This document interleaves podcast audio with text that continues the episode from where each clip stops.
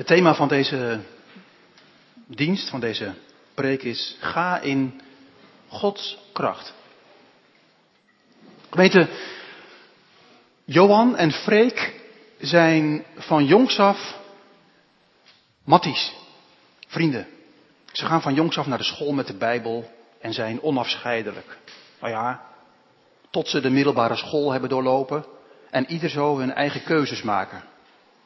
Johan kiest voor theologie en wordt dominee. Hij is nooit een grootste spreker geworden, maar hij heeft wel met hart en ziel God en de mensen gediend vanuit het evangelie. Het was een vruchtbaar leven. Freek wordt toegelaten op de toneelschool. En ontwikkelt zich door de jaren heen tot een zeer bekend, gevierd, populair acteur, toneelspeler. Gewend aan het podium, de spotlights, aandacht. En na vele, vele jaren komen beiden aan het einde van hun loopbaan. Johan markeert dat met een eenvoudige afscheidsdienst, zoals dat bij hem past. Voor Freek wordt een groot banket georganiseerd in het Vijfsterrenhotel, het Amstelhotel in Hartje Amsterdam. En Freek nodigt vele mensen uit, waaronder zijn jeugdvriend Johan. Is voor Johan wel even wennen, tussen al die BN'ers. Maar hij zit er. En tegen het einde van het diner vragen wat vrienden van Freek, joh, draag eens iets voor. Maak ons blij. Freek kijkt rond en zegt, oké, ik doe het. Als jij, Johan, het ook doet. Oké, dat is goed, zegt Johan. Freek begint. Met een prachtige stem, fantastische articulatie. En alles in zijn lichaamstaal klopt, draagt hij oude woorden voor die hij leerde op de school met de Bijbel. Een psalm van David. De Heere is mijn herder. Mij zal niets ontbreken. Hij doet mij neerliggen in grazige weiden. Hij voert mij zachtjes aan zeer stille wateren. Als Freek klaar is, volgt er een daverend applaus. Wat een vakman. En dan is het de beurt aan Johan. Uit de binnenzak van zijn jasje pakt hij zijn oude zakbijbel, die hij heel zijn leven al bij zich draagt. En leest diezelfde Psalm 23. Eenvoudig. Zoals hij dat zijn hele leven heeft gedaan. Bij stervende mensen. En als de laatste woorden klinken. En ik zal in het huis des Heren blijven in lengte van dagen. Volgt er geen applaus. Kun je een speld horen vallen. En is er in die luxe zaal van het Amstelhotel een wonderlijke stilte. Tot Freek langzaam opstaat, een brok in zijn keel wegslikt en tegen de aanwezigen zegt, weten jullie wat het verschil is? Ik ken de psalm, maar Johan kent de herder.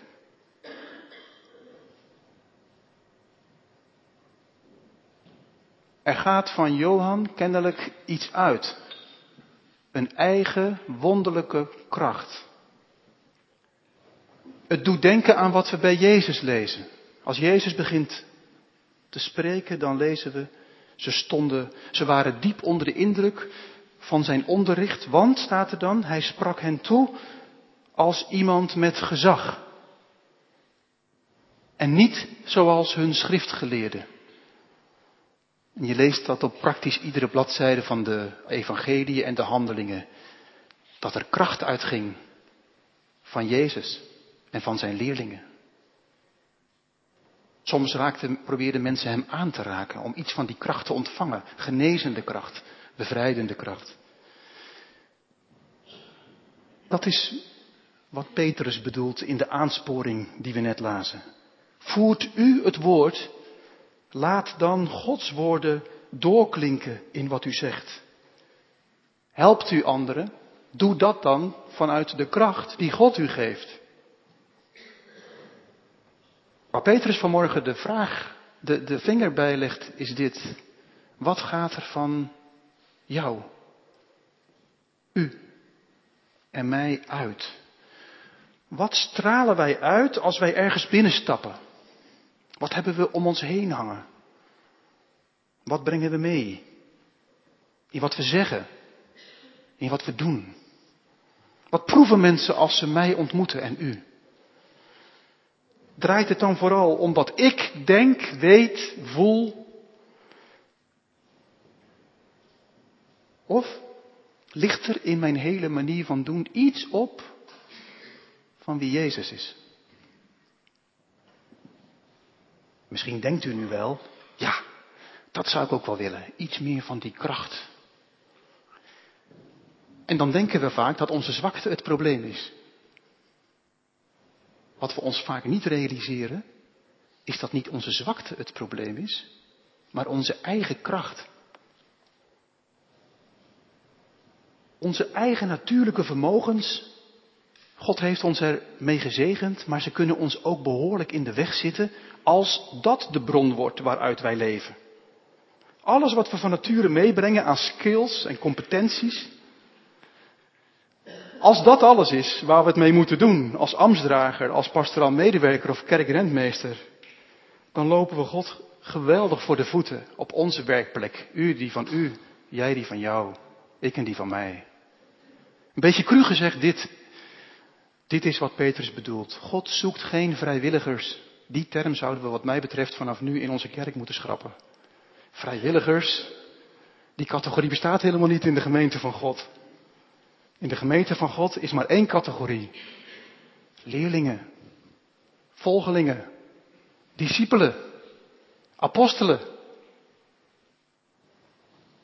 God zoekt geen vrijwilligers die zo'n beetje hun dingetje doen en daar dan ook nog op zijn tijd een schouderklopje voor willen. God zoekt mensen in wie hij kan gaan wonen, zodat hij in hen zijn werk kan doen. Mensen die hij kan vormen, kneden, laten groeien, verdiepen. Zodat in hen, in ons, hij zelf zichtbaar wordt in zijn goedheid, genade, humor, wijsheid en alle rijkdom die hij heeft. En God heeft er vaak een enorme dobber aan om ons van die ene modus van de vrijwilliger die zijn dingetje doet, om te vormen tot een voertuig van zijn kracht, genade. Bij heel wat prominente Bijbelfiguren zien we dat. Jacob besteedt tientallen jaren van zijn leven vanuit zijn eigen driften en instincten en drijfveren. En het is een, hij laat een spoor van frustratie achter.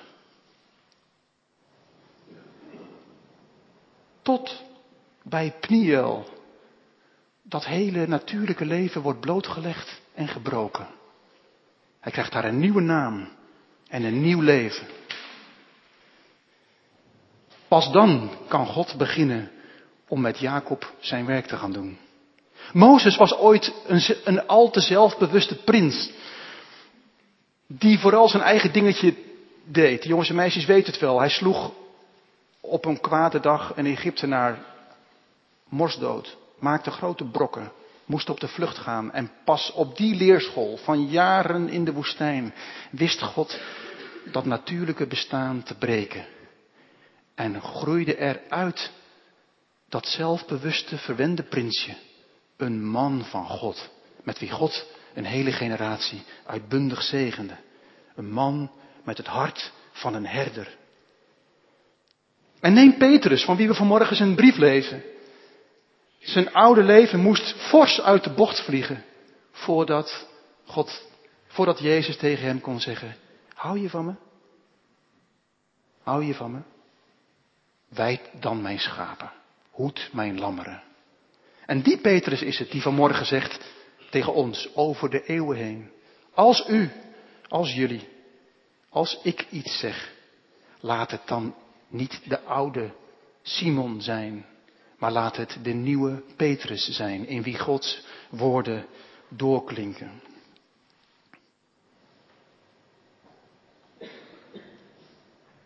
Dat is het punt van vanmorgen. in welke modus leven wij? Leven wij onwillekeurig en zonder het al te veel in de gaten te hebben vanuit onze natuurlijke skills? Dan kunnen we indrukwekkende dingen doen. Kunnen we vrijwilliger van het jaar worden? Kunnen, mensen, kunnen we bewondering oogsten? Kunnen we fatsoenlijke burgers zijn? Maar aan het eind van de dag zal het blijken geen blijvende vrucht te dragen. Ik las over een, iemand die best jong ouderling werd. En hij gaf het op een nogal bijzondere manier invulling. Bij, de, bij het notuleren van de aanwezigen ontbrak hij nog wel eens. Het was nogal een drukke, actieve gemeente met heel veel vergaderingen. En deze man die dacht, ik laat hier en daar eens wat schieten. En wat hij wel deed was dit. Hij wandelde met God. Hij had zelfs tijd voor een hobby, schilderen. Het was een man van de stilte. En als hij eens ergens verscheen, bij een gebedsuur, een vergadering, bij iemand thuis, was wat hij inbracht vaak levenbrengend. Terugkijkend op zijn ambtstermijn was hij de minst drukke ambtsdrager en de meest vruchtbare. Dat kun je dus ook vertalen naar je eigen leven als je geen ambtsdrager bent. Hoe ziet dat er nu concreet uit? Ik heb op dit punt veel geleerd van Watchman Nee. Watchman Nee. Het is een Chinese naam. Het is een Chinese kerkleider die in de tijd dat de kerk nog fors onder druk stond in China, leider was, in kampen terecht kwam, geleden heeft voor de Heer. En daardoorheen trouw is gebleven en daar diepe, diepe lessen heeft geleerd. Eén boekje van hem, het gewone, het normale christelijke leven, is een klassieker geworden. Wordt over heel de wereld in alle talen gelezen. En in dat boekje maakt hij zo radicaal dit ene punt. Dat het geen enkele zin heeft om vanuit, je, vanuit jezelf te proberen christelijk te doen. Daar word je doodmoe van. Daar word je doodmoe van. En andere mensen ook. Van christelijk doen knapt niemand op. Watchmanie zegt. Het gaat om echt iedere dag uit Christus leven. Uit die bron putten. En al mijn natuurlijke skills en talenten onder de heerschappij brengen van Hem. Heel concreet ging dat bijvoorbeeld zo. Hij was aan het logeren in Amerika bij een christelijk echtpaar. En die, vroegen, die dachten, wauw, we hebben nu Watchman Nee in huis. Wil je voor ons bidden? Vanaf nu zal alles anders gaan, dachten ze. En hij zei, oké, waar zal ik voor bidden? En ze zei, nou, het gaat niet zo lekker in ons huwelijk. We leven een beetje langs elkaar heen.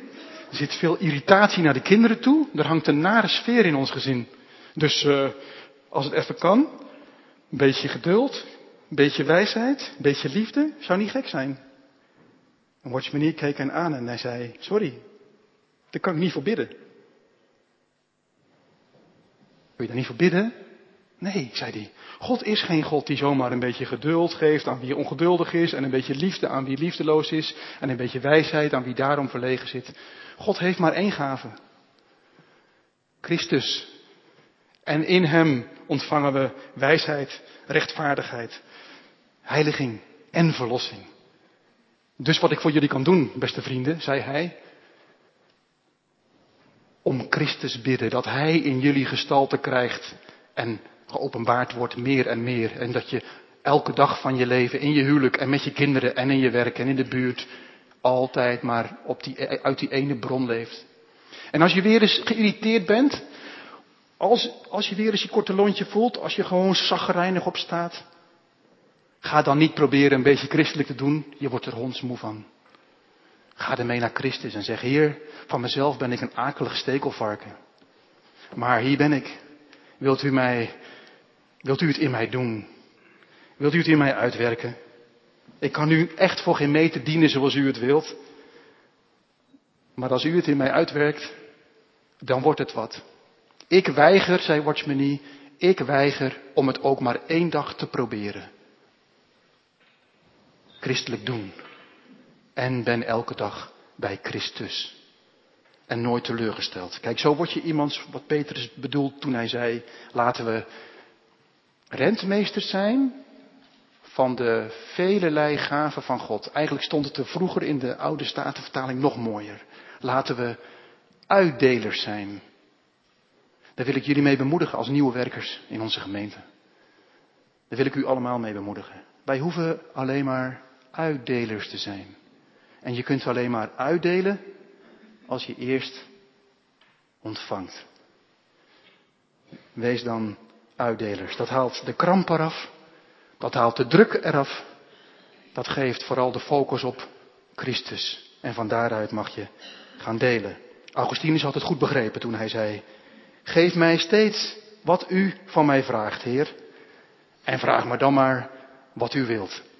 Amen.